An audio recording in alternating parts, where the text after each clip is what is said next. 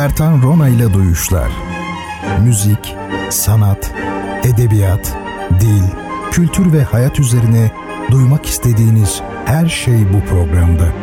Bertan Rona ile Duyuşlar her cuma 22'de Samsun'un Gerçek Radyosu'nda. Bertan Rona ile Duyuşlar başlıyor.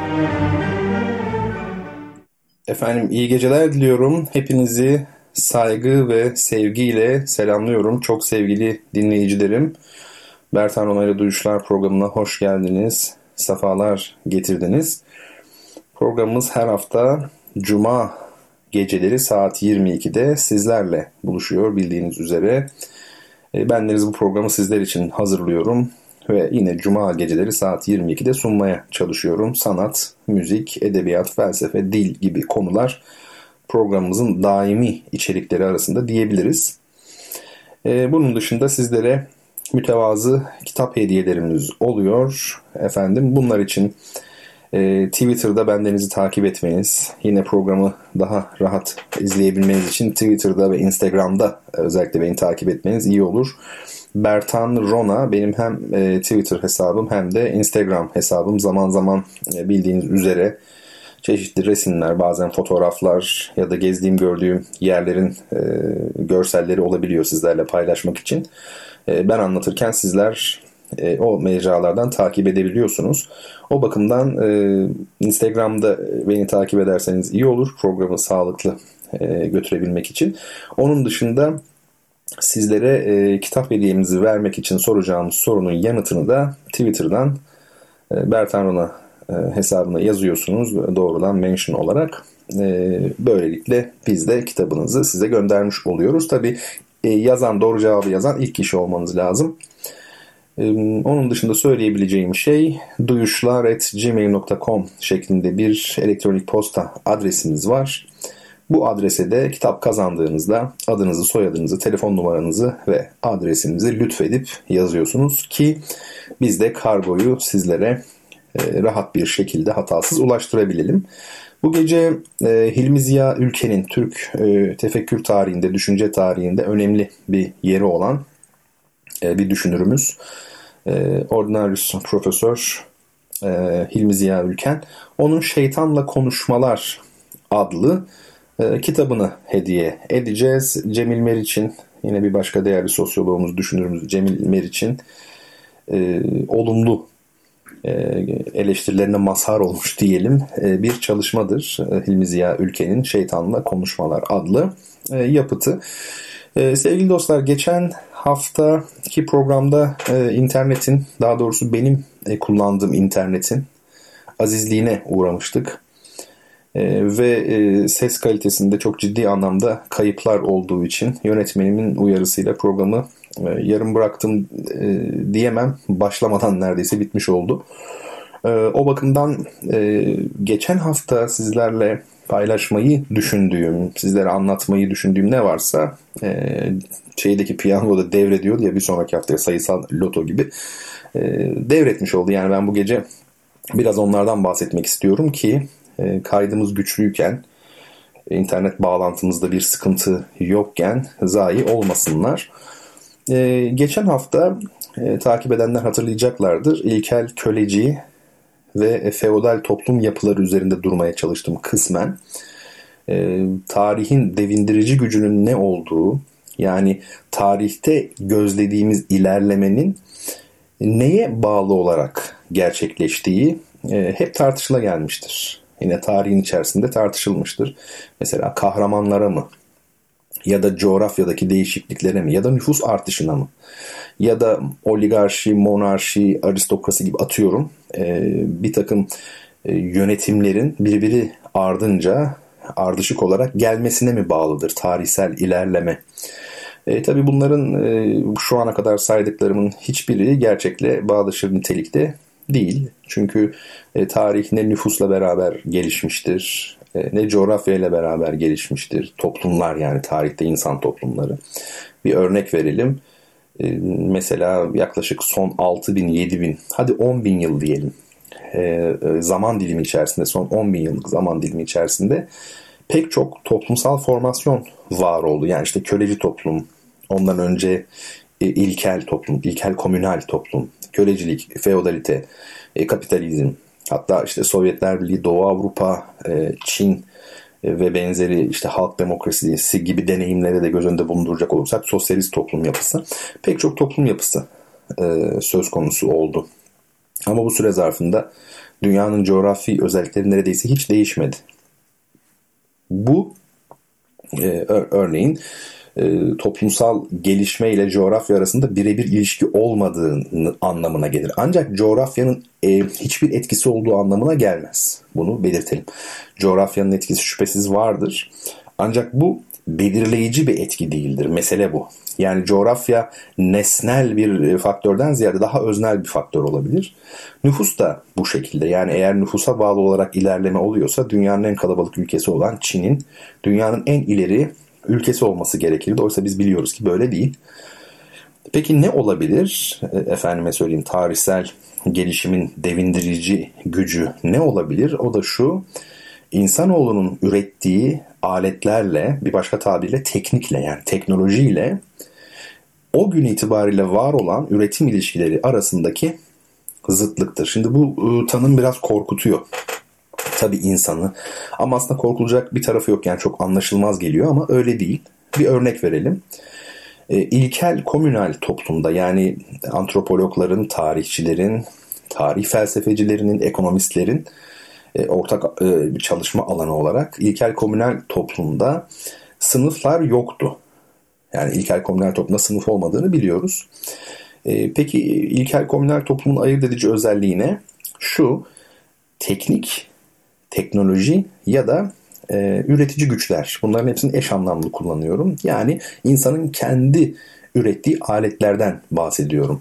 Bu aletlerin seviyesi o kadar düşük düzeydeydi ki insanlar hayatta kalabilmek için mutlaka ortaklaşa çalışmak zorundaydılar. Yani diyelim ki insanların karınları aç, bir e, av yapmaları lazım, bir geyik öldürmeleri lazım ve onu e, bir iki gün e, tüketmeleri gerekiyor. Sonra tekrar avlanmak durumundalar. Ancak ellerindeki aletler o kadar geri bir seviyedeki ne var mesela ellerinde diyelim ki bir sadece balta, efendim buna benzeyen bir iki şey. Başka hiçbir şey yok. Dolayısıyla işte 10-15 tane erkek birleşerek e, geyikle mücadele ediyorlar. Diyelim ki 3 saat abartıyorum tabii bunları. 4 saatlik bir mücadele 10 erkekten 15 erkekten 5 tanesi hayatını kaybediyor, ölüyor. Geyik onları öldürsün mesela boğa veya. E, ve elde var nedir? Bir tane av. E, şimdi gördüğünüz gibi bu av e, onların ancak karınlarını e, doyurmaya yetiyor. Artı değer henüz yok. Ne demek artı değer? Tükettiğinden fazlası. Yani bu da yarına kalsın diye, diyebilecek bir durum yok. Şimdi e, bu teknolojik aletlerin düzeyi yani bizim örneğimizde çok düşük olması e, belli bir üretim ilişkisine yol açıyor. Mesela neye yol açıyor? Sınıfların olmamasına yol açıyor. Özel mülkiyetin olmamasına yol açıyor. Nasıl e, yol açıyor? E, yarına artırabileceğiniz bir ürün elde edemiyorsunuz ki özel mülkiyet olsun. Bu benim, bu senin denilsin. Zaten ancak karın doyurabiliyor. Dolayısıyla bakın e, burada teknolojinin, üretici güçlerin yani tekniğin, aletlerin düzeyi doğrudan toplumsal ilişkileri belirlemiş oluyor. Ne bir kölecilik var, ne bir aristokrasi var, şu var. Sınıflar yok toplumda. Fakat bir e, diyelim ki ok bulundu ya da işte bir mızrak bulundu. Artık 15 avcının geyik avına gitmesine gerek yok. Değil mi? Bir tek kişi uzaktan tek bir atışla veya 3-4 tane atışla fark etmez bir geyiği öldürebiliyor. E, ve bir kayıp da yok. Ölen kimse de yok ve çok daha hızlı. Ne oluyor? İşte ilk defa insan tüketebileceğinden fazlasını üretmiş oldu. Tek bir örnek üzerinden gidiyorum tabii. Yani bu balıkçılık içinde, toplayıcılık içinde geçerli olabilir. Başka şeyler içinde. Ve bu fazlalık bir süre sonra e, oku kullanan, oku yapan bireylerin, buna uzman bireyler deniyor. E, onların bu üründen fazla pay istemeleri sonucunu doğuruyor bir süre sonra. Diyor ki ben kullanıyorum oku. Hatta oku ben yaptım, ürettim. E, ben kullanıyorum. Usta olan benim. Kimse benim kadar güzel atamaz. O zaman ben bu fazlalıktan daha fazla pay istiyorum. İşte ilk defa özel mülkiyet oluşmuş oldu. Bir süre sonra e, kölelik geliyor beraberinde. Çünkü borçla ilgilidir. Köleliğin iki sebebi vardır. Ya savaşlarda esir düşmek ya da borcunu ödeyememek. Bakın ne oldu? Teknolojinin gelişimi doğrudan toplumsal ilişkileri etkiledi. Sınıfı topluma yol açtı. Köleliğe yol açtı. İla ahir yani bu böyle gider. Şimdi bu bir buluş. Yani toplumun gelişmesinin asıl e, yasasının, toplumsal gelişme yasasının üretici güçlerle yani teknolojiyle üretim ilişkileri arasındaki çelişki olduğuna dair bir yasa. Bu yasayı kullanarak siz tarihi açıklayabilirsiniz. E, her döneme bu uyabilir ama tabii bazı kategorileri de iyi bilmeniz gerekir. Yani zorunluluk ve rastlantı kategorisi felsefi bir kategori bu. Bu çok önemli. İnsanlar bazen e, bu konuda yanılabiliyorlar. Yani diyorlar ki e, Bertan Hocam sen çok güzel anlattın da hani eğer bu bir yasaysa peki şu hadiseyi ne yapacağız? Bak bu hadise bu yasaya uymuyor. Şunu söyleyelim. Yasaya uymayan bir hadise yoktur aslında. Yani yasa nesnel ve zorunlu olarak geçerlidir. Ancak istisna dediğimiz e, durumlar vardır. Aslında bu istisnalar yasanın sınırlarını çizerler biliyor musunuz? Yani ikisi e, aynı bir bütünün parçası gibidir. E, istisna ve yasa. Yani zorunluluk ve rastlantı bir başka tabirle. Örnek verelim mesela. Diyelim ki bir e, insan, kadın düşünelim. Doğum yaptığı zaman ne doğurur? Bir insan doğurur. Bu bir yasa mıdır? Yasadır. Peki bu e, doğan insanların hepsi birbirinin aynısı mıdır? Hayır. İşte o aradaki fark nedir? Herkesin farklı olması. O o gebelik sürecinde ya da genetik intikaldeki e, rastlantısal ufak farklılıktan, rastlantı bizi korkutmasın kelime olarak. Çünkü insan rastlantıya tahammül edemez kolay kolay. Oysa ki rastlantı dediğimiz şey de nedensellik ilkesine bağlıdır. Ama küçük küçük nedensellikler yani çok detayda olanlar. Çünkü e, bir e, diyelim ki ana karnında bir cenin her kadının yürüdüğü yollar farklı, aldığı güneş farklı, hangi dakika nerede oturuyor, yan mı döndü yani o kadar çok farklı faktör var ki dolayısıyla genetik intikal var. Bütün bireyler birbirinden farklı ama hepsi insan. Yani yasa ne? Yasa bir e, insan dişisinin bilimsel dille konuş, konuşalım insan doğuracağıdır. Ama altı parmaklı bir bebek olabilir. Çok daha ağır bir takım bedensel, zihinsel e, sıkıntılarla doğanlar oluyor biliyorsunuz. İşte efendim iki başlı doğan bile biliyorsunuz var. Yani yapışık doğanlardan bahsetmiyorum. İki başlı. Bakın bunlar e, istisna. Peki istisna neden aslında yasanın sınırlarını çiziyor? Çünkü yasa diyor ki insan insan doğurur. Yani sonuçta şöyle bir şey olsaydı bu artık istisna olmazdı. Yasayı bozardı tamamen. Mesela ne? Bir insan bir aslan doğursaydı. Ama bu imkansız. İşte yasallıkla rastlantı bu. Ya da daha e, toplumsal bir örnek verelim. Osmanlı İmparatorluğu efendim e, Osmanlılarla Timurlular değil mi Ankara Savaşı'nda savaştılar. Bu savaşın sonucu neye bağlıdır? Öznel bir takım etkenlere. Yani iki ordunun gücüne, e, sayısına, kullandığı aletlerin, savaş aletlerinin niteliğine, işte efendim komutanların uyguladığı stratejiye, e, belki o günkü efendim şevkle çarpışıp çarpışmamalarına yani o günkü performansları da farklı olabilir. Her gün farklı oluyoruz çünkü. Bunlar hep öznel faktörlerdir. Bunlar bir sonuç oluşturdu. Nedir bu sonuç? Timurlular e, Osmanlıları yendiler o savaşta. Ancak bu savaşın tarihi 1402 olmakla birlikte ve arkasından 11 yıllık bir fetret devri yaşanmış olmakla birlikte yani 1413'ten kabaca 100 yıl sonra 1513'e baktığımızda Timur'un torunları Osmanlı padişahının eteğini öpüyorlardı. Yani e, Osmanlı peki 100 yılda nasıl böyle bir cihan imparatorluğu oldu? Neredeyse kanuni dönemine ulaştı. Kanuni 1520'de tahta geçti ama 150 yıl diyelim fark etmez. Yani böyle ağır bir yenilgiden sonra dört kardeş birbirine düştükten sonra bu devlet niye güçlenmeye devam etti? Çünkü bu devletin e, coğrafi konumu e, fütuhat politikası yani yeni topraklar elde etme isteği bunun nedenleri ve bunların batıya doğru özellikle Doğu Avrupa'daki Macaristan gibi efendim e, bölgelerdeki toprak arazi yapısıyla uygunluğu bunların sağladığı imkanlar gibi pek çok faktör aslında Osmanlı Devleti'nin güçleneceğini öngörüyordu zaten. E, yoksa bu beylikler içerisinden neden Osmanlı ön plana çıkmış olsun? Bir cihan imparatorluğu kurmuş olsun. Dolayısıyla işte bu nesnel bir şeydir. Bu bir yasa aslında yasaya uygun. Ama bir tek savaşta yenilmek, yenilmemek e, daha öznel bir durumdur. O anki şartlara özgül olana, rastlansal olana da bağlıdır. E, peki bu ne yapabilir? Bu süreci yavaşlatır ya da hızlandırır ama ortadan kaldıramaz.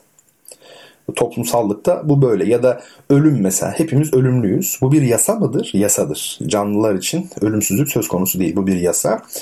Ama neden bizim öleceğimiz saat belli değil. Bunun tabi dini bir açıklaması var. Ecel tegayyür etmez diyebilirsiniz dini açıdan baktığınızda. Yani ehli sünnet itikadı açısından e, söylemek gerekirse. E, kaderle tayin edilmiştir denilebilir. Ancak e, sonuç değişmiyor. Yani bir insanın ne zaman öleceği belli değil. Bakın bu da işte zorunluluk ve rastlantı kategorisinin ne olduğunu bize göstermiş oluyor. Yani aslında zorunlulukla rastlantı birbirini dışlayan şeyler değildir. İç içedir. Biri olmadı, biri olmazdı zaten. Bunu söyleyelim. Peki yani bu meseleyi aslında istek oluyor biliyor musunuz? Yani hocam buna biz devam edelim. Bu konu bizim ilgimizi çekti diyen arkadaşlar olmuş. Genç arkadaşlar da yani bu hani daha baştan gidelim diyorlar. İlkel toplumu bize mesela bir programda hatta 2-3 programda ilkel toplumu anlat. 2-3 programda köleci toplumu anlat gibi olabilir tabii. Yani bu şekilde de gidebiliriz. Neden olmasın? Ee, şimdilik e, bunu söyleyeyim size e, toplum yapısıyla ilgili olarak. Yani toplumsal yasalar vardır. Toplum bir e, rastgele ilişkiler yığını değildir. Ne büyük kahramanların karakterine bağlıdır, ne şuna bağlıdır, ne buna bağlıdır. Ne bir dine bağlıdır toplumsal gelişme. Toplumsal gelişme insanoğlunun üretim faaliyetine bağlıdır. Çünkü neden? Neden böyledir? Neden dine, hukuka, sanata, ahlaka değil de üretim faaliyetine bağlıdır? Hani bazıları şöyle şeyler yazıyor. Ahlaksız toplum çöker falan gibi. Ya böyle bir komedi olabilir mi? Ahlaksız toplum çöker. Ee, o zaman hadi ahlaklı olalım yani. Çünkü ahlaklı olmak emin olun zor değil. Yani şunu demek istiyor. Ahlaksız toplum çökerse, çöküyorsa o zaman ahlaklı toplum çökmeyecek demektir. Yani mesele bu olsaydı zaten e, emin olun sistem hemen hepimizi ahlaklı yapardı. Bunun gereği yapılırdı. Tabii ki böyle değil. Önce maddi üretim var. Neden maddi üretim var? Neden diğerleri yok? Mesela sanat yok. Çok basit. Yani siz şöyle düşünün. E, aç yaşayamazsınız. Öyle değil mi?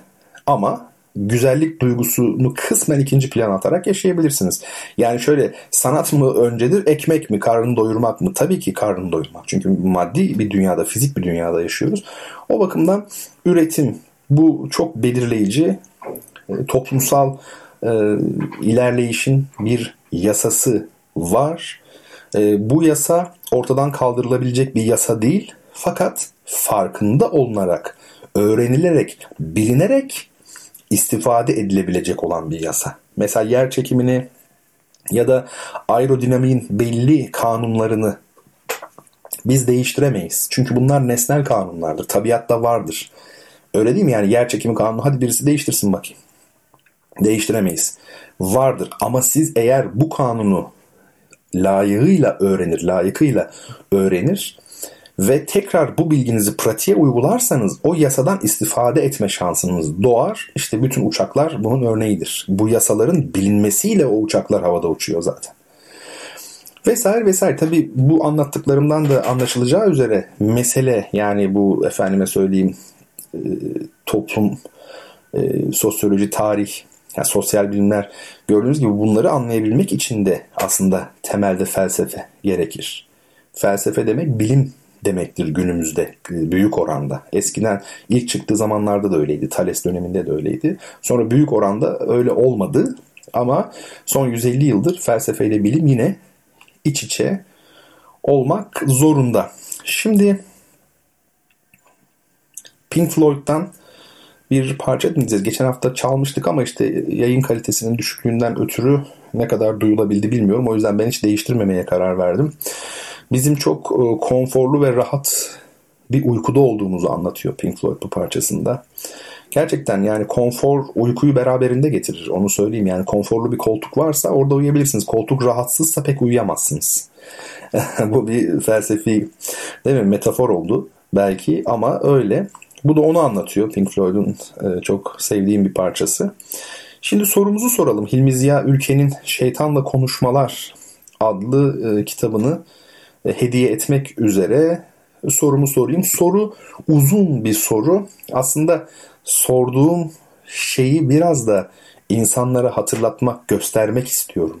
Mesela bu bazen unutulmuş bir insan oluyor, bazen bilinmeyen bir kavram oluyor. Onların yani çünkü bu sorularla sorulduğu zaman kolay kolay da unutulmuyor. Hani sınavda sorulan soruları unutmaz ya insan onun gibi. O bakımdan e, yani senin üstüne vazife mi, bize mi öğretiyorsun diyebilirsiniz. Burada mesele şu. Mesela ben burada şimdi vefat eden bir kişiyi soracağım. Bazı insanlar biliyorsunuz bizim ülkemizde pek çok kişi, pek çok değer inanılmaz bir şekilde unutuluyor. İnanılır gibi değil yani. Belki okyanusta bir su damlası ama bu yolla bazı e, unutulan değerlere dikkat çekmek. Mesele bu. Yoksa kimseye bir şey öğretmek haddinize değil.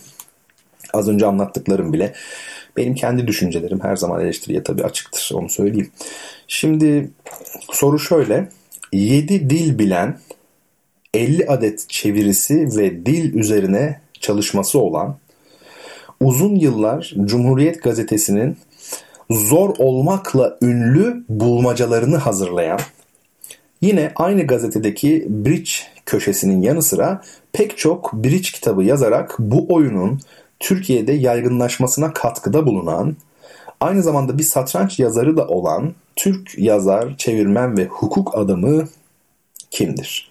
Sorumuz bu ve bendeniz sizleri şimdi Pink Floyd'la baş başa bırakıyorum sevgili dinleyicilerim. Müzikten sonra görüşmek üzere. getting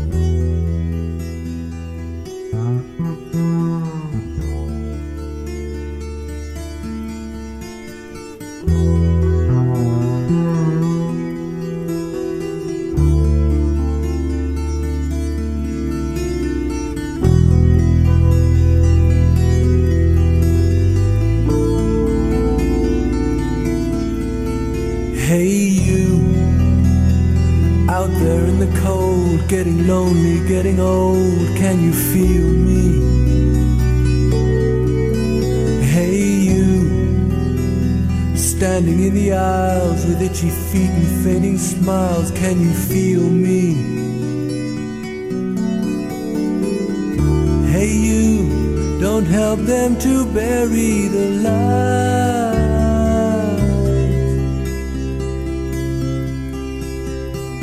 Don't give in without a fight.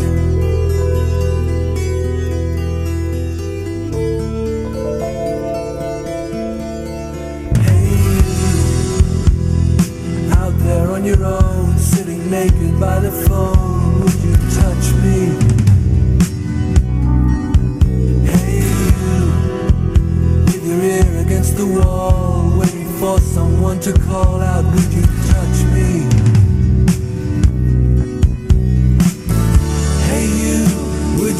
me to carry the.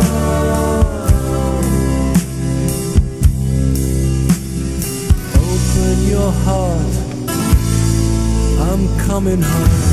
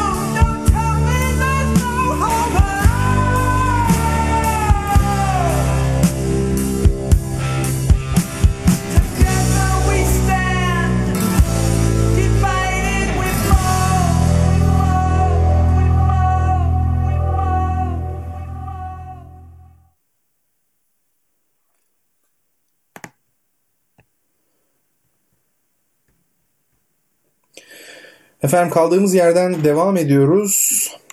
Ee, bir kitap hediye etmek için sizlere e, aslında çok da zor olmadığını düşündüğüm bir soru sordum. Çok e, önemli aslında bir e, ismi hatırlatmak amacıyla biraz da şu an henüz bir cevap gelmedi. Duyuşlar için e, nadir yaşadığımız bir durum aslında. Soruyu bir daha okuyayım. Belki bulan çıkar.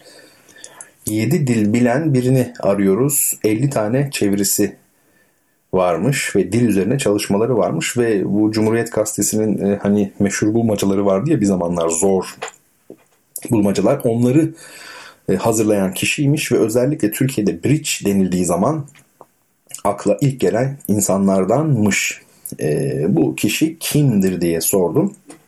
Evet, doğru cevap gelirse tabii ki program içerisinde e, kitabımızı göndeririz geçen haftadan devretmiş olan kitabımızı.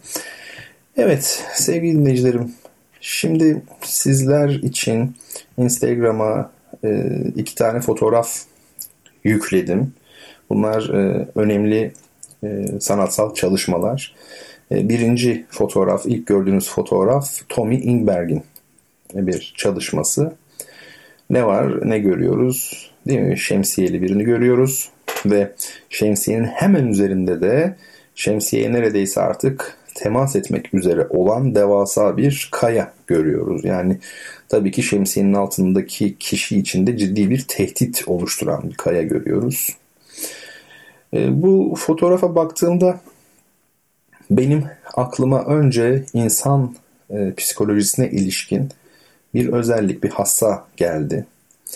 O da şu, biz e, bazı şeylerin e, çok daha büyüğü varken e, küçücük küçücük olanlarıyla e, uğraşırız genellikle. Yani mesela sorunların çok büyük sorunlar dururken e, insanların çok e, küçük meselelerle uğraştığı görülebiliyor. Ya da yine bu fotoğrafa baktığımızda e, içeriği göremeyip e, biçimle uğraşmak geliyor insanın aklına. Çünkü şemsiyeyi açtığımız zaman e, yukarıdan gelen e, şey nedir? Genellikle değil mi? Yağmurdur. Onun özelliği nedir? Su olmasıdır ama bir de yukarıdan gelmesidir. Ama bu yukarıdan gelen her şeyin su olacağı anlamına gelmez. O içerik de çok önemli. Değil mi? O içerik ne burada? Kaya. Dolayısıyla içeriği görmediğiniz zaman aslında hayati bir tehlike içindesiniz demektir. Ee, şimdi aklıma Bertolt Brecht'in bir e, sözü geliyor. Şöyle diyor Brecht, e, banka kurmak banka soymaktan çok daha büyük bir ahlaksızlıktır. Benzeri yani. E, şimdi baktığınızda biri banka kurmak, öbürü banka soymak. Ama biz içerikle değil biçimle ilgilendiğimizde bize e, banka e, soymanın e, bir suç olduğu ki suçtur da tabii e, öğretiliyor. Fakat banka kurmanın öyle olmadığı e, sonucu çıkıyor buradan. E, öyle değil mi? Ama aslında e, bu biçim, içerik böyle değil. O bakımdan yani biçim içerik ilişkisini gözden kaçırmamak lazım. E, ya da mesela işte daha şöyle bir bakacak olursak olaya biçim, içerik insan için ne kadar hayati olabilir. Namus deyince insanların aklına çok klasik bir örnek belki ama işte sadece cinselliğin gelmesi mesela. E, ya da mesela bu toplumda işte eşcinseller var diyelim. E, ama aynı zamanda biliyor musunuz günde 4 tane işçi ölüyor Türkiye'de. Ortalama. Her gün. Mesela bundan hiç bahsedilmiyorken e, insanların derdinin sadece kişilerin cinsel hayatları olması. Bu da biçim ve içerik ilişkisine dair çarpıcı bir örnektir aslında. E, tüm bunlar tabii e, açıkçası bir toplumu saçma ya da absürt işte e, sürreel yapmaya yeten şeyler. Gerek Avrupa'da olsun gerek bizde olsun. E, Albert Camus'un biliyorsunuz onun bir saçmacılığı var. Yani absürdite üzerine e, önemli düşünceler serdetmiş bir e, düşünce insanı o. Ama tabii bu absürtlük yani hayatın saçma bulunması efendime söyleyeyim gibi bir düşünce. Sevgili dinleyicilerim yine bir bağlantı problemi yaşadık. Enteresan nazar mı deniyor bize bilmiyorum ama e, ses kalitemiz iyi aslında anladığım kadarıyla. Bu hafta herhangi bir sorun yok. Biz devam edelim. E, şöyle Tommy Inberg'in e, çalışmasından bahsettim ve e, Albert Camus'un efendime söyleyeyim bu absürditeyi öne çıkaran, hayatı saçma bulan e, düşüncelerin aslında bir taraftan 2. Dünya Savaşı sonrası yaşanan e, travma ve e, anlamsızlaşma ile ilgili olduğunu bir yandan da Kafka'nın e, misal olarak işte dava romanını getirebiliriz anlattığı hani o neden sonuç ilişkisinin deforme olması var ya işte bu tür bir toplum e, yapısıyla ilgili aslında Albert Camus'un e, saçma üzerine düşünceleri ve bu dünyayı, hayatı saçma bulması. E, şimdi e, ve bir de şunu söyledik tabii ki bugünkü dünyada var olan ekonomik sistemin ve bunun geliştirdiği toplumsal e, ilişkilerin e, kendi iç çelişkilerinden ötürü zaten son derece anlamsız oldukları gerçeğini de e, ortaya koymuş olduk. Ve ardından da e, yayın kesildikten galiba sonra ben George Krause'nin Bakış adlı çalışmasına geçmiştim. Bakış 1963'te İspanya'da çekilmiş ünlü bir aslında çalışma. E, burada e, çocuklar var ama biri diğerlerinden farklı. Arka planda gördüğümüz ancak kompozisyonun düzenlenmesinden ötürü arkada olmasına rağmen merkezi figür olma karakteri taşıyan bir kız çocuğu söz konusu.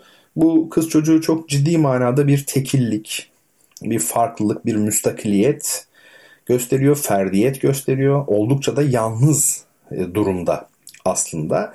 Dediğim gibi kompozisyondan ötürü bizim bakışlarımız doğrudan e, kızın üzerine e, odaklanmış oluyor. Ona bakmış oluyoruz. O da bize bakıyor. Fakat onun bakışı diğerlerinden çok daha fazla şey anlatıyor bize. Bunun belli sebepleri var. Yani diğerlerinin yaptıkları gülmek, eğlenmek çok daha fazla hayatın içinde olan şeyler. Oysa kızın bakışları bize e, belki duyumcu aşamayı değil yani bilgilenme sürecindeki duyumcu aşamayı değil kavramsallığı ifade edecek kadar ve yaşından beklenmeyecek kadar da derin görünüyor.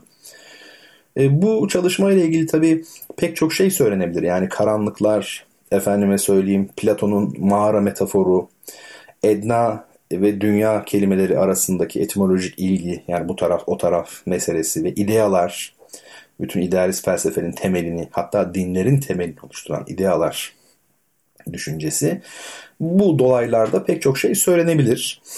Ee, ya da şu söylenebilir yani güzel olan, farklı olan ve özgür olan daha uzakta. Yani o çocuktan bahsediyorum kız çocuğundan. Ee, yani o güzel, farklı ve özgür. Uzakta evet ama daha aydınlık. Daha çirkin diyebileceğimiz ya da en azından sıradan diyebileceğimiz ve özgür olmayan, daha bağımlı olan bize yakın duruyor. Objektife yakın duruyor ama onlar da karanlık. Ee, başka ne diyebiliriz? Güzel olan uzaktadır ama gözümüz ona odaklıdır uzak yerlerde böyle hani şey gibi oldu sevgilileri olanlara hani şiirsel bir cümle okumuşum gibi oldu. Güzel uzakta ama gözünüz ona odaklı. O kız çocuğu o şekilde gerçekten. Bir de bu kız çocuğunda böyle bir ince bir durum var bence. Bilmem farkında mısınız? Böyle hafif tırnak içinde söylüyorum çirkin görünüyor. Çirkin demeyelim de böyle bir e, ne diyelim buna eblehlik sanki değil mi? Bül olma hali yani eski tabirle var. Biraz bön gibi bir bakış var. Yani bu belki gözlerinin çekikliğinden, kaş yapısından kaynaklanıyor olabilir. O ayrı konu. Tırnak içinde söylüyorum zaten. Ee, bir farklılık e, görünüyor. Ama dikkat edin kendinden son derece emin bir şekilde bakıyor buna rağmen. Ve tabii diğer çocuklar bağırıyor ama o sessiz. E, duygular ses çıkarır ama düşünce ses çıkarmaz. Beyin ses çıkarmaz. Kalp ses çıkarır. Atar. Duygudur çünkü. Ama düşünce e, nesnellikle daha doğrusu pratikle bağını büyük oranda kestiği için e, maddi yapıyı büyük oranda geride bıraktığı için daha sessiz olma e, özelliği taşır. Onu söyleyelim. Daha soyuttur. Peki yani bu fotoğraflarla ilgili çok uzun konuşmak istemiyorum. İstiyorum ki biraz da sizler yapın, e, yorum yapın. Aslında o kadar e, zevkli ki. Önünüze fotoğrafı koyacaksınız ve e, efendime söyleyeyim fotoğrafı yorumlayacaksınız. Herkes tabii kendi birikimine, kendi eğilimlerine göre yorumlayacaktır. Ama bu bir sorun teşkil etmiyor. Önemli olan yorumlamak. Yorumladıkça kendinizi bulacaksınız. Kendinize baktıkça fotoğrafı yorumlayacaksınız ve onu bulacaksınız. Dolayısıyla çok fazla uzun e, söylemek istemiyorum. Bu arada az önceki e, sorunun cevabını sevgili Hüseyin Hüseyin Demir vermiş. Hocam kimse doğru yanıtlamadıysa eğer söyleyeyim demiş. Şiar Yalçın demiş. Sen bekleme bence Hüseyin. sevgili Hüseyin. So, doğru cevabı bulduğun an hemen yaz. E, bana kalırsa öyle yap. Biz sana şimdi kitabını gönderelim. E, Hilmi Ziya Ülke'nin değerli e, çalışmasını. Ve bir kitap tanıtımına geçeyim. Kitap demişken onu da yine Instagram üzerinden sizinle paylaştım. Yazın ve bilim dilimiz. Yazın edebiyat tabii. Yani edebiyat ve bilim dilimiz. Adnan Bin yazarın e, ve Metin Öztekin'in çalışması. Şimdi ben e, iki değerli yazarı aynı anda tanıtmak yerine Adnan Bin yazarı tanıtmayı tercih ettim. E, Metin Öztekin bizi affetsin. Bugün Adnan Bin Yazar'dan e, bahsedeceğim. Şimdi kimdir Adnan Bin Yazar? Daha önce duydunuz mu? Onu tabi bilmiyorum. E, 7 Mart 1934'te doğmuş. Diyarbakır'da doğmuş. E, ilk öğrenimini Ağın'da tamamlamış. Ağın herhalde Elazığ'ın bir ilçesi. E, Dicle Köy Enstitüsü'nü 1956 yılında, Ankara Gazi Eğitim Enstitüsü'nü bu enstitünün Türkçe bölümünü 1958'de bitirmiş. Çorum ve Maraş İlköğretmen Okullarında edebiyat öğretmenliği yapmış. Hacettepe Üniversitesi Temel Bilimler Yüksekokulu Türkçe bölümünü Devlet Konservatuarı ve Basın Yayın Yüksek e, Okulu'nda çok çok kötü okudum. Önümde şu an metin var ondan okuyorum. Düzelteyim ama çok uzunmuş. Bu nasıl bir kurum ismi? Hacettepe Üniversitesi Temel Bilimler Yüksekokulu Türkçe Bölümü Devlet Konservatuarı ve Basın Yayın Yüksek Okulu'nda öğretim üyeliği yaptı. Herhalde iki ayrı kurum. Türk Dil Kurumu Yayın Kolu Başkanlığı'na seçildi. Türk Tarih Kurumu'nda uzman olarak 1972 ve 73'te çalıştıktan sonra Gazi Eğitim Enstitüsü Yabancı Diller Yüksekokulu Türkçe Öğretmenliğine, Kültür Bakanlığı Tanıtma ve Yayınlar Dairesi Başkanlığı'na getirildi. Ben e, yoruldum yani kurum isimlerinden yoruldum. Bu isimleri zaten okuduğunuzda otomatikman mezun olmanız lazım. Yani hemen diplomanın verilmesi lazım. Neyse şaka bir yana Kültür Bakanlığı Tanıtma ve Yayınlar Dairesi Başkanlığı'na getirilmiş Adnan Binyazar 1978'de. Bu göreviyle birlikte ulusal kültür ve çeviri dergilerinin sorumlu yönetmenliğini üstlenmiş. 81'de Almanya'ya gitmiş. Berlin Eğitim Senatosu bünyesinde görev yapmış. İsveç ve İsviçre'de çeşitli öğretmen yetiştirme projelerinde çalışmış. Batı Berlin'de Türk işçi çocuklarına ders kitapları hazırlamak için oluşturulan kurulda görev almış. Bu çalışmalarının yanında halk kültürüne ilişkin çeşitli ara- araştırmaları bulunan bin yazar birçok ülkede çeşitli konularda konferans, toplantı ve seminerlere katılmış. Türkiye'ye döndükten sonra İstanbul'a yerleşip Ölümün Gölgesi Yok adlı eseriyle 2005 yılı Orhan Kemal roman armağanını almıştır. İşte bu son cümle aslında bizim için çok bir şey ifade ediyor ama yani o bir tabii özgeçmiş bilgilerinde de biyografik olarak vermiş olduk. Fakat 2005 yılında Ölümün Gölgesi adlı romanıyla Orhan Kemal roman e, armağanını almış. Şimdi öyküleri 1960 yılından itibaren Türk dili, varlık ve varlık yıllıklarında çıkmış. Bu dönem 1966 66 yılına kadar sürmüş. Sonraki yıllarda daha çok kültür, dil, edebiyat, eğitim sorunlarını ele aldığı eleştiri yazıları ve kitap tanıtma yazıları yazmış.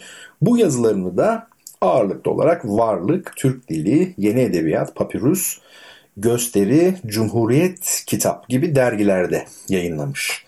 Yani böyle okudum ama şimdi inanın şu sondaki dergi isimleri bile bir kazanç. Yani dergicilik çok önemli bir şey. Türkiye'de hangi dergiler vardı? Mesela Varlık en eski dergilerden biri değil mi? Hala yayın hayatına devam ediyor. Türk Dili, efendim Yeni Edebiyat, Papyrus, değil mi? Gösteri, Cumhuriyet Kitap. Bunların tabii üzerinde durmak e, lazım. Adnan Bin yazar önemli bir e, bizim e, yazarımız ve Yazın ve Bilim Dilimiz kitabını ben şeyden aldım. E, sahaflardan aldım. Oralardan tabi bulabilirsiniz. Ya sahaf derken nadir kitaptan aldım aslında. Sipariş ettim. Kitabın baskısı yok tabi eski bir kitap.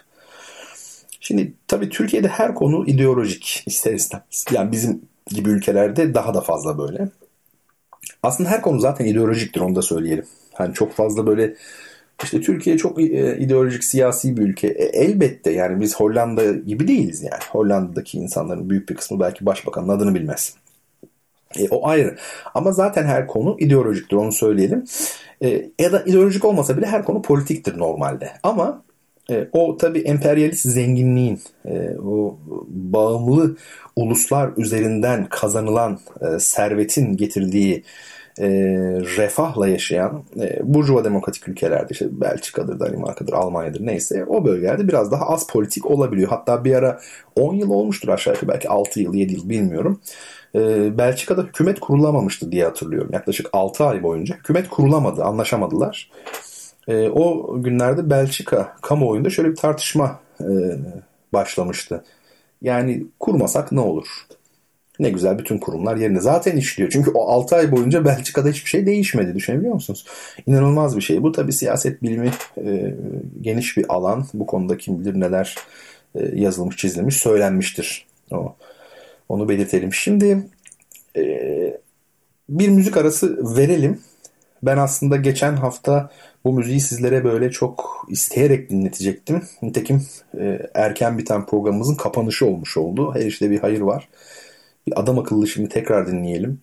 Victor Cara'nın 1973 yılında Şili'de e, Pinochet e, askeri darbe yaptığında elleri kolları kırılarak e, öldürülen e, e, müzisyen, gitarcı, şarkıcı, besteci Victor Cara'nın Caragua adlı eseri. E, Caragua Bolivya civarında e, bir yer. E, bu parça gerçekten Victor Cara'nın e, müziğinin bütün özelliklerini taşıyor. Söz içermiyor e, beğeneceğinizi ümit ediyorum. Müziğimizi dinleyelim ondan sonra programımızın ikinci yarısında birlikte olalım sevgili dinleyiciler.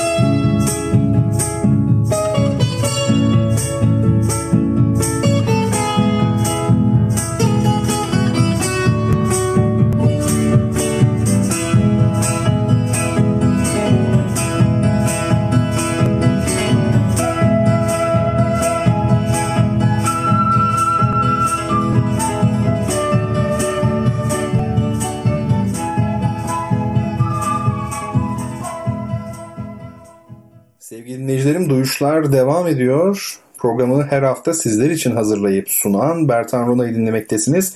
Sosyal bilimlerden felsefeye, fotoğraftan edebiyata kadar geniş diyebileceğimiz bir yelpaze üzerinde gezinen duyuşlar her hafta cuma geceleri saat 22'de sizlerle birlikte oluyor. Tıpkı bu gece olduğu gibi.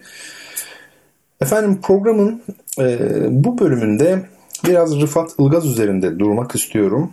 E, Türk edebiyatının çok önemli isimlerinden biri olan ancak e, biraz farklı bir biçimde yani diğer e, edebiyatçılardan, diğer önemli isimlerden, değerlerden farklı bir biçimde biraz daha fazla harcanan, yok sayılan bir isim Rıfat Ilgaz.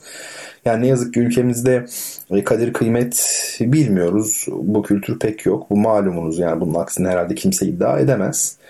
E, ancak e, bazı isimler özel bir e, yok sayılmayla, bir harcanmayla karşı karşıya oluyor. Mesela Ömer Kavur da böyledir. Bunu da hep söylerim. Yani Türk sinemasının en önemli yönetmenlerinden biridir Ömer Kavur. Ancak Ömer Kavur ne hikmetse neredeyse hiç anılmıyor. E, Rıfat Ilgaz da bu şekilde.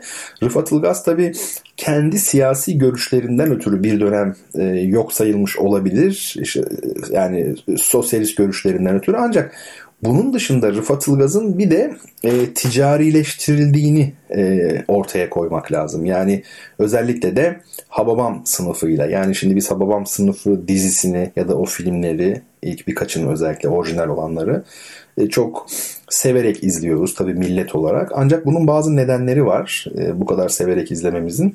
Her şeyden önce e, o oyuncuların yani Kemal Sunal'ın olsun rahmetli efendime söyleyeyim Şener Şen'in olsun, Tarık Akan'ın olsun, Halit Akçatepe'nin olsun, Münir Özkul'un olsun bu isimlerin e, çok başarılı olan oyunculukları tabii her şeyden evvel. Senaryonun da efendime söyleyeyim çok akıcı bir şekilde yazılmış olması bu filmlerin çok sevilmesinin nedeni. Ancak acaba bu senaryolar e, uyarlandıkları romana yani Rıfat Ilgaz'ın Hababam sınıfı romanına ne kadar e, uygun? Bunu düşündüğünüzde işin aslının öyle olmadığını görüyorsunuz ve Hababam sınıfı e, filmlerinin e, ticari amaç taşıdığını daha net bir şekilde e, e algılıyorsunuz. Oysa ki romanın kendisi böyle değil. Çok ciddi anlamda sosyal göndermeleri olan çok bariz bir sınıfsal içerik taşıyan bir roman Hababam sınıfı. Ancak bunların tamamının e, tıraşlandığını, makaslandığını görüyoruz biz e, filmde. Şimdi e, bu konuda e, Rıfat Ilgaz'la ilgili, Rıfat Ilgaz'ın ne kadar e, yok sayıldığıyla ilgili e, Server Tanilli'nin e, bir yazısını sizlere okumak isterim. Dikkatle takip ediniz çünkü bu yazıda büyük gerçeklik payı var hakikaten. Server Tanilli e, şöyle diyor. Bugün de okurlardan çoğunun gözünde Rıfat Ilgaz büyük bir mizah ustasıdır ve başta da Hababam sınıfının yazarıdır. Bu değerlendirmede gerçeğin elbette büyük payı var. Rıfat Ilgaz, çağdaş Türk mizahının önde gelen birkaç yazarından biridir. Hababam sınıfı da onun o alandaki ustalığın simgesidir. Kırklı yılların ikinci yarısındaki ünlü Marco Paşa serüveninde pişmiş ve olgunlaşmış kalem 1959'da yayınladığı o eserle aynı zamanda çağdaş mizahımızın bir şaheserini koyar ortaya. Rıfat Ilgaz söz konusu eserle mizahın o büyük gücüne dayanarak yani güldürerek Türkiye'deki eğitim düzeninin bir eleştirisini yaparken ülkemizde okul sıralarından geçmiş hemen hemen herkesin anılarına da tercüman olmuş olur. Bu eserin onca şöhret kazanmasının tiyatroya ve sinemaya da aktarılmasının altında yatan da budur. Ama bir yanlışı da düzeltmek gerek. Rıfat Ilgaz, mizah, roman ve öykülerinde başka çarpıcı örnekler de ortaya koyarken 1969 yılından başlayarak mizah dışı öykü ve romanlar da yazdı. Özellikle içinden çıkıp geldiği Karadeniz bölgesinin insanların yaşamlarını yeni ve gerçekçi bir dille anlattığı Karadeniz'in kıyıcığında Halime Kaptan, Karartma Geceleri, Sarı Yazma, Yıldız Karayel eserleri, romanları hiç unutulmamalı.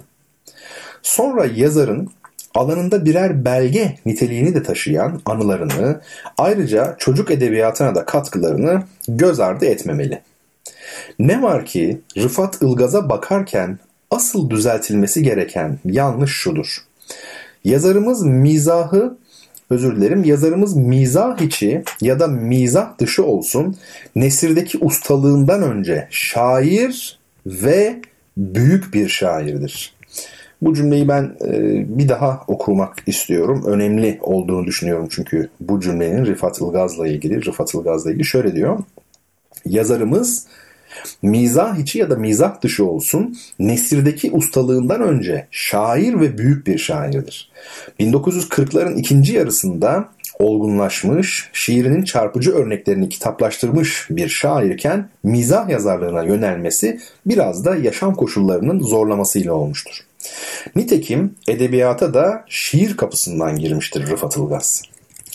1940'lı yıllara varıldığında bir ateş çemberiyle çevrili ve sosyal sorunların burgacında kıvranan Türkiye'de Cumhuriyet şiirinin üç büyük odak noktasından biri olan millici şairler kuru bir yurt güzellemesinin sığlığı içindedirler. İkinci odakta Yahya Kemal, Hülya Tepeler, Hayal Ağaçlarla oyalanmaktadır. Üçüncü odağın başındaki Nazım Hikmet büyük bir çığır açmıştır ve düzeni sorgulamaktadır. Ne var ki tehlikeli bir iştir yaptığı ve o yüzden toplumla ilişkisi koparılmıştır, hapishanededir. İşte bu ortamda genç şairlerin bir bölümü garip çizgisinde şairanelikten uzak, küçük adamın sorunlarına eğilirken 1940 kuşağı adını alacak bir başka bölümü Nazım Hikmet'in açtığı yoldan ilerleyerek bir başka şiir dünyası yaratırlar. Sosyal yanı ağır basan toplumcu gerçekçi bir şiir anlayışıdır bu. A. Kadir, Niyazi Akıncıoğlu, Ömer Faruk Toprak, Suat Taşer, Cahit Irgat, Mehmet Kemal, Arif Damar gibi şairlerin oluşturduğu topluluğun en önemli adlarından biri de Rıfat Ilgaz'dır. Nedir özellikleri Rıfat Ilgaz'ın kurduğu şiir dünyasının? 1940 öncesinde bireysel duyarlılıklara üstelik heceli uyaklı biçimlerle bağlı şair 1940'lı yıllarda çevresindeki dünyayla bütün çelişmeleri içinde yüz yüze gelir. Savaş yıllarının daha da ağırlaştırdığı koşullarda işçisi, köylüsü, dar gelirlisi ve yoksuluyla çileli bir yaşamı bölüşen insanlardır gördüğü sanatçımızın. O yaşamın içinde onun daha da yakından tanıdığı okul, hastane, sanatoryum ve cezaevi çevresidir. Şair de ister istemez soyut insandan acı çeken, ezilen somut insana çevirecektir bakışlarını. Bu temalarını belirlerken şiirinin biçimini de değiştirir. Dil gitgide yalınlaşır, açık ve akıcı bir nitelik kazanır. Tanıdığı çevrelerin insanlarını, onların duyguları, özlemleri ve çelişkilerini yine onların diliyle yansıtır şiire. Yerine göre halk deyimlerinden de yararlanır şair. Toplumsal çelişkilerin üstelik ayyuka çıktığı bir ortamda şairin sosyal acılara sözcülük ederken yergici olmamasına imkan var mı? Ne var ki yapıcı bir yergidir bu ve bir yerde daha güzel bir dünyaya olan umuttan da kopuk değildir. Öyle bir dünya için kavgaya ve direnişe açıkça çağrıda bulunduğu da olur şairin. Ama bunu yaparken hiçbir zaman sloganlaşmaz dili ve sanatın gereklerine ters düşmez. Sloganlaşmaz dili ve sanatın gereklerine ters düşmez. Bizzat kendisi ağır politik baskılar altındayken bile ayakta kalmayı sürdüren, acılı ama yaşama direncini yitirmeyen ve kavgayı elden bırakmayan bir sestir onunki. Çağdaş şiirimizin de en onurlu seslerinden biri. Ünlü şiirlerinden birinde Parmaklığın ötesinden şiirinde şair insanları alabildiğine sevmeyi bırakmazlar yanına diye başlar. Gerçekten de öyle oldu. Sanatçımız suçun kendisinde olmadığını bilse de özgürlüğe düşman güçler onun da ömrünün 5,5 yıldan fazlasını demir parmaklıkların arkasındaki karanlıkta çaldılar. İşte Yarenlik 1943'te çıkardığı Yarenlik kitabıyla başlayan sonra sınıf, devam ve arkasından gelen kitapların da süren, her menzilde kendini aşan, toplumun olduğu kadar sanatın da nabzını tutup özde ve biçimde en yeni açılımlara kadar izleyerek özümseyen bir şiir serüveninin bilançosu. Çekinmeden söylemeli de. Nazım Hikmet'in arkasından Türkiye'de insan manzaralarını Rıfat Ilgaz'dan daha hünerli sürdüren ve zenginleştiren bir başka şair çıkmadı diyebiliriz. Evet bu yazı neredeyse tamamını okudum. e, Strasbourg'da yazılmış 1 Ocak 19, 1 e, Ocak 2003'te. Server Tanilli yazmış. E, Rıfat Ilgaz'ı bu şekilde anmış. Ben de e, Rıfat Ilgaz'ın bir şiirini oldukça kısa ama olağanüstü bir şiirini okumak istiyorum e, sizler için. Şöyle demiş Rıfat Ilgaz açlık başlıklı şiirinde. Açlık. Doymuyor gözüm bu renk bolluğunda. Hala iç yüzünü seyretmek istiyorum. Şafaklara açılmış camların. Definelerim gizli kaldı. Alaca karanlığında uykunun. Kilitli bütün sevgilerim, manası çözülmeyen tebessümüne, dudakların ki aşkların arkasındadır. Kimse bahsetmiyor kendisinden, avuçlarımın anladığından fazla. Beklediğim mevsim ki kozasındadır. Herkes kendi asmasının altında ve çok uzaktadır uzandığım dallar. Hani muhteşem, muhteşem. Şu son e, dizelere bakar mısınız? Kimse bahsetmiyor kendisinden, avuçlarımın anladığından fazla. Beklediğim mevsim ki kozasındadır. Herkes kendi asmasının altında ve çok uzaktadır uzandığım dallar. Yani, muhteşem. Evet, e, Rıfat Ilgaz'ı almış olduk kısmen de olsa. Böyle söyleyelim. Hadi gelin e, son dakikalarımıza doğru gidiyoruz. Bir müzik arası daha verelim. Kısa bir müzik arası. Bu müzik arasında belki e, sizi e, şaşırtacağım. Yani şöyle bu bir Alevi Bektaşi deyişi. Bir halk müziği yani. Aslında çoğu kişinin özellikle yaşı belli bir noktanın üstünde olanların çok iyi bileceği, hatırlayacağı bir e, deyiş. E, şu diyar gurbet elde şen değil gönlüm şen değil var ya çok meşhur. E, mücrimi bunu efendime söyleyeyim e, sözünü yazan yani bestesini yapan öyle söyleyeyim. Söyleyen diyelim daha doğru olur. Halk ozanımız Malatyalı mücrimi. E, ondan söz edeceğim. Önce güzelce e, bu müziği dinleyelim. Kimin söylediğiyle ilgili anons yapmayayım. Bir sürpriz olsun. E, ben onun çok güzel türkü söylediğini düşündüm her zaman. E, bakalım siz de aynı şekilde düşünecek misiniz? Müzikten sonra birlikte olalım.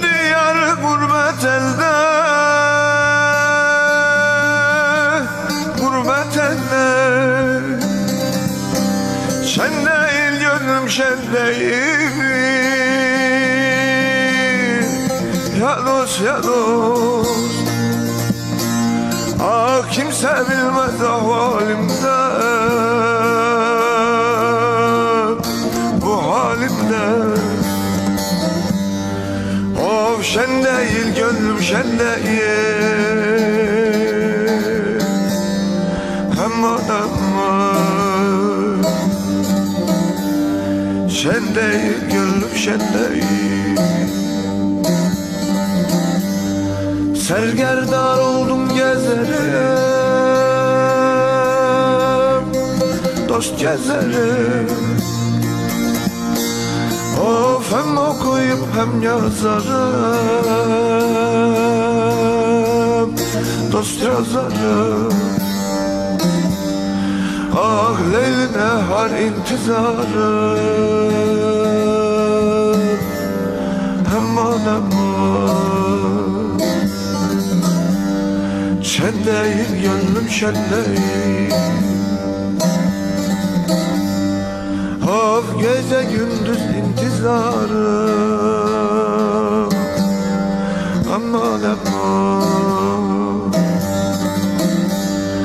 Şen gönlüm şen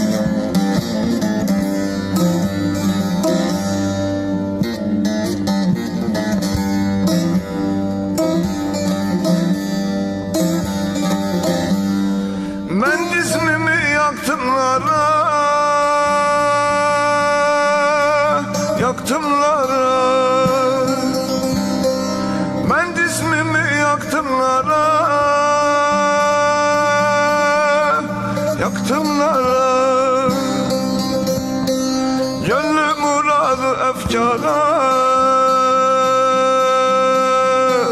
Ya dost ya dost. Ah tecelim yok bahtım kara. Bahtım kara. Of şen değil gönlüm şen değil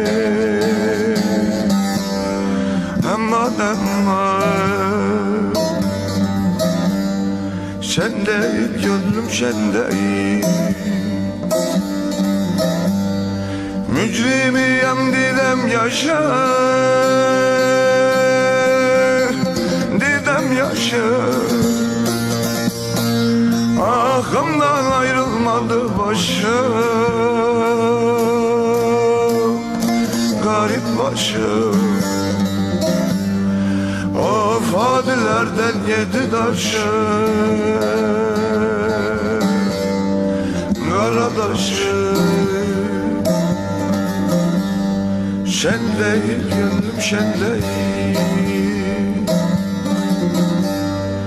Of cahillerden yedi taşı. Kara taşı. Şen değil gönlüm şen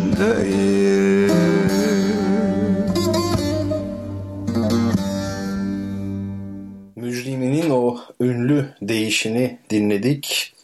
Şu diyar gurbet elde şen değil gönlüm şen değil. Evet hepimiz gurbetteyiz bir biçimde aslında ve en mutlu olduğunu söyleyenimizin e, dahi aslında gönlü kısmen şen değil. Ya da biz şöyle diyelim yani e, hayatımızın belli dönemlerinde çok kısa sürelerle gerçekten mutlu olduğumuzu belki hissedebiliyoruz. Yani her şeyiyle mutlu olduğumuzu hissettiğimiz dönemler çok çok az oluyor. Ee, mücrimi Aşık Mücrimi 1882 yılında Doğanşehir'de doğmuş. Malatya'nın Doğanşehir ilçesine bağlı Karaterzi köy yanılmıyorsam. Karaterzi köyünde e, 1970 yılında da e, vefat etmiş. Gaziantep'in Nur Dağı'na bağlı Sakça Gözü artık köy mü bilmiyorum. O bölgede vefat ediyor. Halk arasında Çolak Dede olarak bilinen bir isim. Mücrimi. Asıl adı ise Mehmet Özbozok. Ee, şimdi e, Çolak Dede yani mücrimi çocukken e, eli yanmış ve parmakları e, birbirine yapışmış bazı parmakları. Çolak Dede denmesinin sebebi buymuş. Köyü olan Karaterzi'de çobanlık yaparken bir taraftan da işte o Alevi kültürünün biliyorsunuz cem ayinleri var. Cemlerde de bu yine sakat eliyle saz çalıp değişler söylemeye başlamış aşık mücrimi. E, ve tabii kendi köylerine gelen zakirlerden de ders alarak yetişmiş. Saz ve söz işinde artık ehil hale gelince yöresindeki bir e, Seyit Çolak oluşu sebebiyle ona mücrimi mahlasını e, vermiş. Yani bu mahlası veren kişi bir Seyit e, kaynak öyle belirtiyor.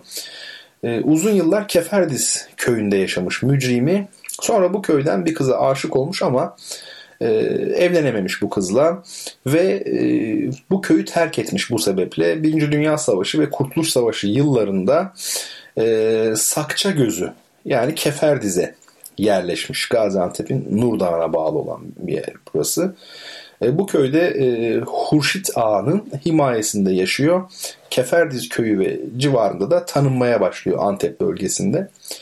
E, Hurşit Ağa'nın Keferdiz yakınlarındaki e, hanını çalıştıran mücrimi Keferdiz'de yaşamaya başladıktan sonra doğum yeri olan Karaterzi'ye bir daha geri dönmemiş. E, o nedenle de mücriminin şiirlerinde gurbet teması oldukça çok yer almış. Yani Malatya'dan, Doğanşehir'den çıkıp Gaziantep'e, Nur Dağı'na gidiyor ama bir daha memleketine dönmüyor. O bakımdan gurbet teması onun şiirlerinde önemli bir yer tutuyor. E, düzenli bir eğitim de görmüyor mücrimi. Tabi e, Kur'an-ı Kerim'e çok ilgi duymuş e, ve bir e, hocadan uzun zaman ders alarak e, Kur'an öğrenmiş. E, mücrimi özellikle atışma türünde çok başarılı e, bir aşık. Aşık Veysel e, Elbistan'ın Akdil köyünden Ali Şükrü ve Sarız'dan Cafer Ağa ile e, tanışmış. Aşık Nesimi Çimen'in kayınbabası olan Cafer Ağa ile de dostluk kurmuş mücrimi. Ve bu dostluklar sayesinde işte şu Diyarı Gurbet Elde adlı ünlü şiiri Nesimi Çimen'e ulaşmış ve Nesimi Çimen sayesinde bu şiiri müzik piyasasında iyice tanınmış. Bu eser daha sonra tabi TRT repertuarına da alınmış. Bu kadar doğal bir güzel bir hayatın içerisinde birdenbire müzik piyasası gibi bir tabir girdi yani. Değil mi? Ne kadar ilginç. Ee, mücrimi hayattayken tabi bazı e, değişleri pek çok e, şarkıcı tarafından, türkücü tarafından neyse okundu halk müzikçisi tarafından. Mesela şu diyar gurbet elde başta olmak üzere Yüce Dağ başına kar yağmış gibi ya da gönlüm sağ yare ya da aşkınla perişan oldum gibi değişler bunlar. Fakat ne ilginçtir ki pek çok türkücünün okumasına rağmen halk müzikçisinin bu değişleri okumasına rağmen e, Mücrimin'in hakkında hiçbir yazı e, çıkmamış. E, ve onun hayatı hakkındaki tek kaynak Ulaş Özdemir'in onun hakkında yaptığı e, işte Aşık Mücrimi'nin Yaşamı ve Şiirleri adlı eseri. Tek çalışma bu düşünebiliyor musunuz? E, sevgili dinleyicilerim 1970 yılının Mart ayında e, sarılık hastalığı e, sebebiyle hayata veda ediyor Aşık Mücrimi. Maraş'ın Elbistan ilçesine bağlı Merkez Köyü Kantarma'nın dedelerinden olan Tacim dedenin anlattığına göre 500 değiş bırakmış. Tacim dede böyle söylüyor. E, bu tabi beyanata rağmen e, günümüzde ulaşan mücrimi şiirlerinin sayısı oldukça azdır. Yani 500 şöyle dursun bir kenara çok çok çok çok daha e, düşük nitelikte olduğunu e, ifade edebiliriz. E, zaman zaman sizlere böyle önemli aslında ne yazık ki kıyıda köşede kalmış halk şairlerimizi de tanıtsam ne güzel olur değil mi? Yani duyuşlar da ne yapsın ama hepsini bir anda yapamaz yani. Allah ömür verirse yavaş yavaş gideriz. Şimdi finale doğru geliyoruz programımızın sonuna doğru. Yavaş yavaş değil hızlı hızlı geliyoruz artık. Ee, finalde e, sizlere dinletmek istediğim müzik Shostakovich'in Opus 93 10. senfonisinden ikinci bölüm e, Allegro başlığını taşıyor. Yürüme temposunda hafif yürükçe demektir Allegro. E, ve seslendiren kim? Royal e, Liverpool Philharmonic Orkestrası ve orkestra şefi Vasily Petrenko. Birazdan dinleyeceğiz ama kapanışta dinleyeceğiz ama öncesinde biraz e, Shostakovich'in 10. senfonisinden bahsetmek lazım. Shostakovich'in bir anılar kitabı var. Bu arada kim Shostakovich? Tabii herkes bilmiyor olabilir. İlgi alanı değil çünkü herkesin müzik. Yani olsa bile bil, bilmiyor olabilir. Yani o anormal bir durum değil. O bakımdan söylemek lazım. E, Shostakovich 20. yüzyılın en önemli bestecilerinden biri. Yani en önemlilerinden biri. Yani e, çağdaş tekniklerle belki yazmamıştır ama çok büyük bir besteci ve Sovyetler Birliği'nin e, Prokofiev ve Haçaturyan'la birlikte üç büyük bestecisinden biri olarak gösterilir. E, kendi döneminde Sovyetler Birliği'nde her zaman e, Sovyetler Birliği'nin yani devletinin Sovyetler Birliği Komünist Partisi'nin sevgili çocuğu olmuş. Hep ödüllendirilmiş, mükafatlandırılmış. Yani işte Lenin nişanı, e, halk sanatçısı ödülü, Sovyetler Birliği Emek Ödülü ya da Stalin Ödülü gibi e, Sovyetler Birliği'nin en büyük ödüllerini her zaman almış bir e, kişi Shostakovich. Ancak Anılar kitabında çok ama çok başka bir tabloyla karşılaşıyoruz. Yani e, kendi yaşadığı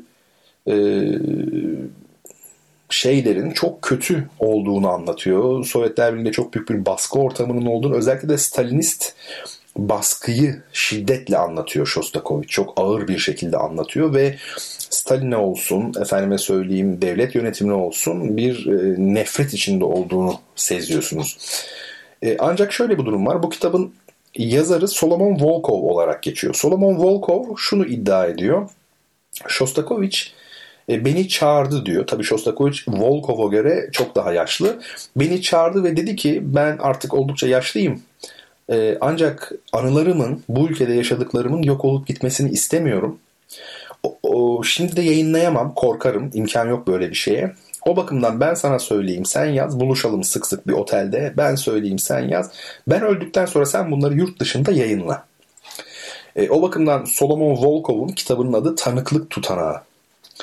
E, bazı kalemler e, Solomon Volkov'un e, abarttığı görüşünde. Yani Shostakovich'in bunları anlatamayacağını iddia ediyorlar. Çünkü e, Shostakovich madem bu kadar olumsuz düşünüyordu, muhalifti, neden hiçbir zaman yönetimle, Sovyetler Birliği yönetimiyle, sistemle en ufak bir çatışması olmadı ve her zaman onore edildi. E, yani o kitabın içeriğinde Volkov'un ciddi efendime söyleyeyim eklemelerinin olduğunu belirtiyorlar. Bazı kalemler böyle söylüyor. Her ne halise yani mesele ne olursa olsun yani gerçek ne yönde olursa olsun kitapta anlatılanlar hiç iç açıcı değil.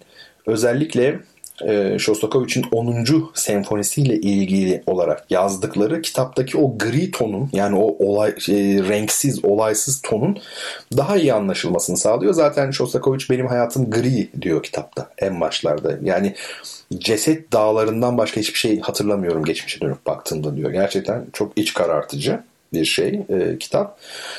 Burada 10. senfonisi, Shostakovich'in 10. senfonisi ve özellikle 9. senfonisi, 9 ve 10 2. Dünya Savaşı'nın hemen ardından yazılmış senfoniler yani 45 sonrası. Fakat e, burada şöyle bir sorun var. 45'te Sovyetler Birliği savaştan çıktığında yaklaşık 20 milyon, yani bazı kaynaklarda 17 milyon deniyor.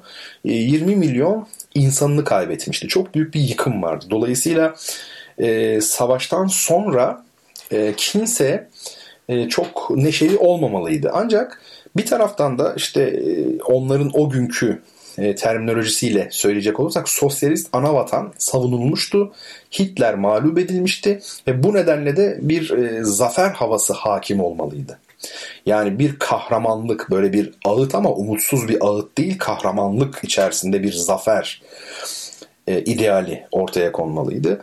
E, ve herkes Sovyetler Birliği'nin belki de en büyük bestecisi olan, dünyanın en büyük bestecilerinden olan Shostakovich'ten 1945'in e, hemen sonrasında bu tür bir senfoni bekliyordu ama Shostakovich 9. senfonisiyle herkesi şaşırttı.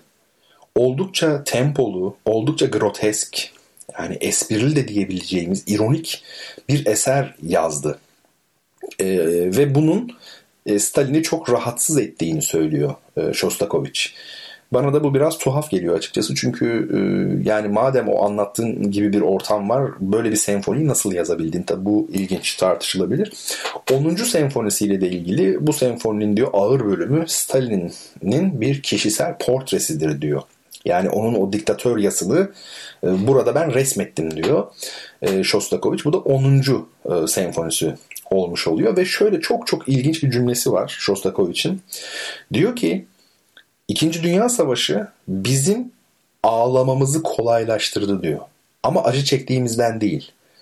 Bizler diyor İkinci Dünya Savaşı'ndan evvel Sovyetler Birliği içinde Stalinist terör nedeniyle diyor o kadar çok insan kaybedilmişti ki diyor ve insanlar diyor korkudan ağlayamıyordu ki İkinci Dünya Savaşı'ndaki acılar bizim ağlamamıza izin verdi. Yani aslında insanlar 2. Dünya Savaşı'nda yaşanan acılarla beraber geçmişte yaşadıkları o 1930'lu yıllardaki terör olaylarında da yaşadıklarını ağlamış oluyorlar korkuyorduk ağlamaya. İkinci Dünya Savaşı'nı bahane ederek ağlamaya başladık demeye getiriyor e, Dimitri Shostakovich. Bu senfoninin özellikle tabii ikinci bölümü Allegro başlıklı inanılmaz temperamanlı, çok aşırı tempolu, çok aciliteli, orkestrayı yoracak efendime söyleyeyim e, orkestra şefinden de ciddi bir dikkat ve temperaman bekleyecek bir bölüm. E, bir gün bir senfoni orkestrası konserine giderseniz ve Shostakovich'in 10. senfonisi varsa programda ikinci bölüme geldiğinizde orkestranın bu bölümü çalarken ne hale geldiğini e, görün ve beni hatırlayın o gün olur mu yani öyle söyleyelim. Peki e, son 2-3 haftadır sizlere Andersen'den güzel bir masal okumayı planlıyorum ama bir türlü yetişmiyor. ne hikmetse. Olmazsa haftaya Andersen masalını başa alayım bari. Yani masalla başlayan radyo programı olarak hem tarihe geçmiş oluruz. Sizler zaten bu programı dinleyerek tarihe geçiyorsunuz onu söyleyeyim yani. Kim dinler böyle bir programı yani Allah aşkına. Öyle değil mi? İşiniz gücünüz yok mu? Peki bir bakalım kimse bir şey yazmış. Evet kimse de bir şey yazmamış. Demek ki o kadar da çok değiliz. Peki bunlar biraz şakayla karışık belki gerçekler. Neyse artık yavaş yavaş toparlayalım. Dediğim gibi Shostakovich'in kitabın adını bir daha söyleyeyim. Solomon Volkov'un Tanıklık Tutanağı e, edinebilirsiniz. Çok fazla müzikal teknik tabir içermiyor yani onu söyleyebiliriz. Okuyabilirsiniz. Bir kültür hazinesi tabii ne de olsa okumak lazım. Ee, Shostakovich'in, Dimitri Shostakovich'in Opus 93 10. senfonisinden ikinci bölüm. Allegro başlıklı ikinci bölüm. Ee, Royal Liverpool Filarmoni Orkestrası Vasily Petrenko yönetiminde seslendiriyor. Çok değerli dinleyenlerim. Haftaya Cuma gecesi saat 22'de inşallah e, bir arada e, oluruz. Şu an İzmir'deyim. Haftaya programı nereden yapacağımı e, şöyle bir düşünüyorum. İstanbul'da olacağım. Artık sistemim var. İnternetle ilgili bir sıkıntı olmadığı müddetçe e, güçlü bir e, yayınla yani güzel bir ses kalitesiyle sizlerle birlikte olmam mümkün. E, haftaya dediğim gibi nerede olursam olayım mikrofonum, bilgisayarım yanımda olacak e, şekilde sizlerle buluşurum sevgili dostlar. Öyleyse sizi Shostakovich'in olağanüstü müziğiyle baş başa bırakarak ben artık izin isteyeyim. Haftaya aynı günde aynı saatte görüşene dek her şey gönlünüzce olsun. Esen kalın.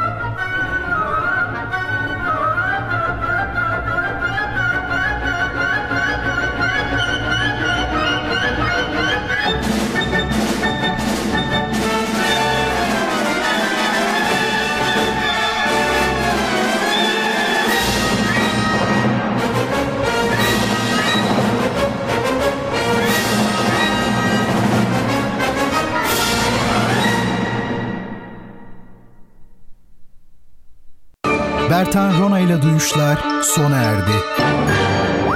Bu program hakkındaki düşüncelerinizi dinleyen et radyogercek.com adresine mail atarak bize ulaştırabilirsiniz. Dinlemiş olduğunuz programda ürün yerleştirme yapılmıştır. Anadolu'nun tek bilgi temalı radyosu. Radyo Gerçek. Gerçek.